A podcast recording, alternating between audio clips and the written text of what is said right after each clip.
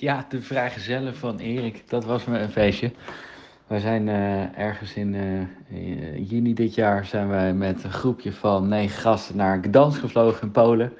En daar hebben we een fantastisch mooi weekendje gehad. Uh, Erikie die werd om half zes morgens in Noordwijk van zijn bed gelicht door twee gasten. Om vervolgens om een uurtje of negen al in het vliegtuig te zitten met die groep naar Gdansk. Uiteraard op Schiphol heeft hij natuurlijk al het een en ander qua borreltjes in zich gekregen. In het vliegtuig werden mimosas uitgedeeld door het, uh, door het cabinepersoneel. En wij hadden gewoon een lekker mimosaatje voor de ochtend. Maar Erik kreeg daar ook nog allemaal vodka en dergelijke ingeschonken. Terwijl hij dat ook allemaal niet door had. Dus de stewardessen die waren al lekker mee aan het doen. Um, vrijdagmiddag daar aangekomen hebben we allerlei activiteiten uitgevoerd. Um, en Erik die moest natuurlijk af en toe een borreltje drinken, opdrachtjes uitvoeren en dat soort zaken doen. En uh, ja, Erik kan wel redelijk borrelen. Althans, hij denkt zelf dat hij heel erg kan borrelen. Maar dat valt af en toe wel tegen. En zeker sterke drank is gewoon helemaal niet zijn afdeling. Wordt gewoon heel jolig en uh, ja, wartaal uit, uit te slaan. En op een gegeven moment was die man gewoon om een uurtje of zeven eigenlijk niet meer handelbaar. We waren terug in, in ons hotelletje. En we hadden daar een uh, ja, best wel groot appartement uh, ding waar we met, met, met een x-aantal mannen sliepen. En Erik was gewoon al om zeven uur, half acht niet meer aanspreekbaar uh, bezopen. dus we waren eigenlijk net iets, net een scheutje te veel gegeven. Dus toen hebben wij vrijdagavond hebben wij Erik om half acht, we hebben er een foto van gemaakt met een klok erbij, hebben Erik om half acht s'avonds op zijn eigen vrijgezellenfeestje. Dat hij dus net al 12 uur volgehouden hebben in bed gelegd en vervolgens zijn wij lekker met z'n allen uit eten gegaan. Uh, een uurtje of elf s'avonds hadden we het diner uh, dan op met uh, acht man in plaats van negen dus. En toen hebben we Erik, zijn we naar het hotel gegaan met twee gasten. Hebben we Erik van zijn bed gelicht, hebben we onder de douche gezet, een paar glaasjes water gegeven, een paar tikken op zijn waffel gegeven. En toen ging het wel weer een beetje. En toen zijn we vervolgens gaan stappen, een fantastisch mooie avond gehad tot een uurtje of vier, half vijf. Uh, toen de tentjes dichtgingen, toen zijn we maar eens een keer weer naar het hotel gegaan. Omdat om 9 uur s alweer de volgende activiteit ging beginnen. En dat was een uh, leuke activiteit, althans. Uh, voor ons was het heel erg leuk. we gingen, werden in een busje opgehaald. Toen zijn we vervolgens zo'n drie kwartier de stad uitgereden. Het waren op een heel grimmige, grauwe parkeerplaats. Met één hele hoge hijskraan. Um, en ja, je raadt al, Erik moest daar van die hijskraan afspringen met een touw aan zijn poten. En je had die kop moeten zien toen we aankwamen. Dat was al onbetaalbaar mooi.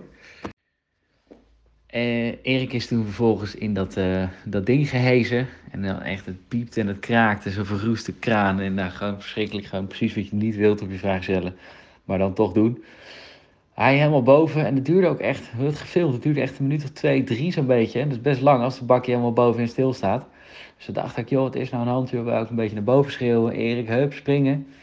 Uh, en toen in één keer sprong Erik inderdaad van, uh, van het ding af. En uh, we hebben een geluidsfragmentje van de reactie van Erik tijdens die val. Hier komt hij.